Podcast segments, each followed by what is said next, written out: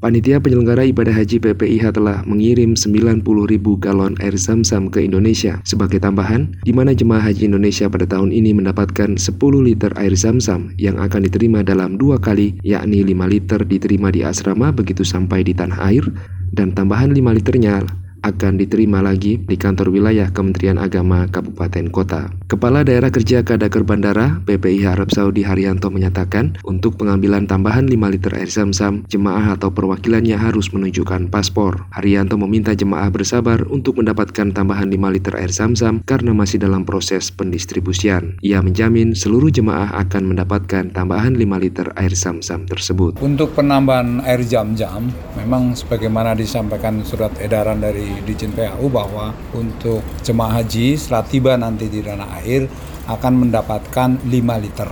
Kemudian juga mulai hari ini yang tambahan untuk 5 liter juga sudah dikirim ke Indonesia sehingga nanti jemaah haji tahap kedua insya Allah akan mendapatkan 5 liter lagi. Jadi yang pertama 5 liter, kemudian nanti yang kedua setibanya air jam-jam tiba Indonesia akan dibagikan yang kedua 5 liter.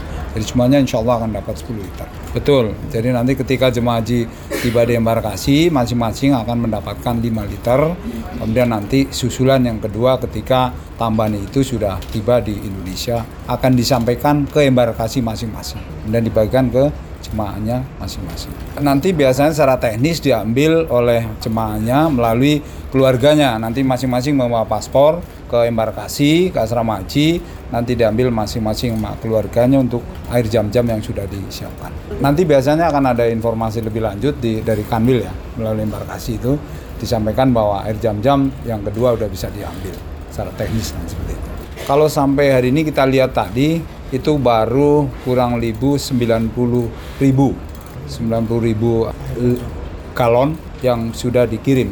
Jadi masih cukup banyak kekurangannya di tempat yang sama, Direktur Bina Haji Kementerian Agama Arsat Hidayat mengungkapkan, jemaah haji gelombang pertama yang sudah tiba di tanah air hingga Kamis malam sebanyak 62.615 jemaah dari 165 kloter. Sedangkan berdasarkan data Sistem Informasi dan Komputerisasi Haji Terpadu Siskohat Kementerian Agama hingga Jumat 14 Juli 2023 pukul 11.37 waktu Arab Saudi, jemaah yang sudah pulang ke tanah air sebanyak 65.539 dari 173 kloter. Semuanya merupakan jemaah haji gelombang 1 yang pulang dari Bandara Jeddah. Pemulangan jemaah haji gelombang pertama dari Bandara Jeddah akan berakhir pada 18 Juli 2023. Selanjutnya, pemulangan akan berlangsung di Bandara Madinah untuk jemaah haji gelombang 2. Adapun total jemaah haji reguler 2023 sebanyak 209.782 orang. Mereka terbagi dalam 558 kloter. Sementara jumlah jemaah yang wafat hingga Jumat 14 Juli pukul 11.37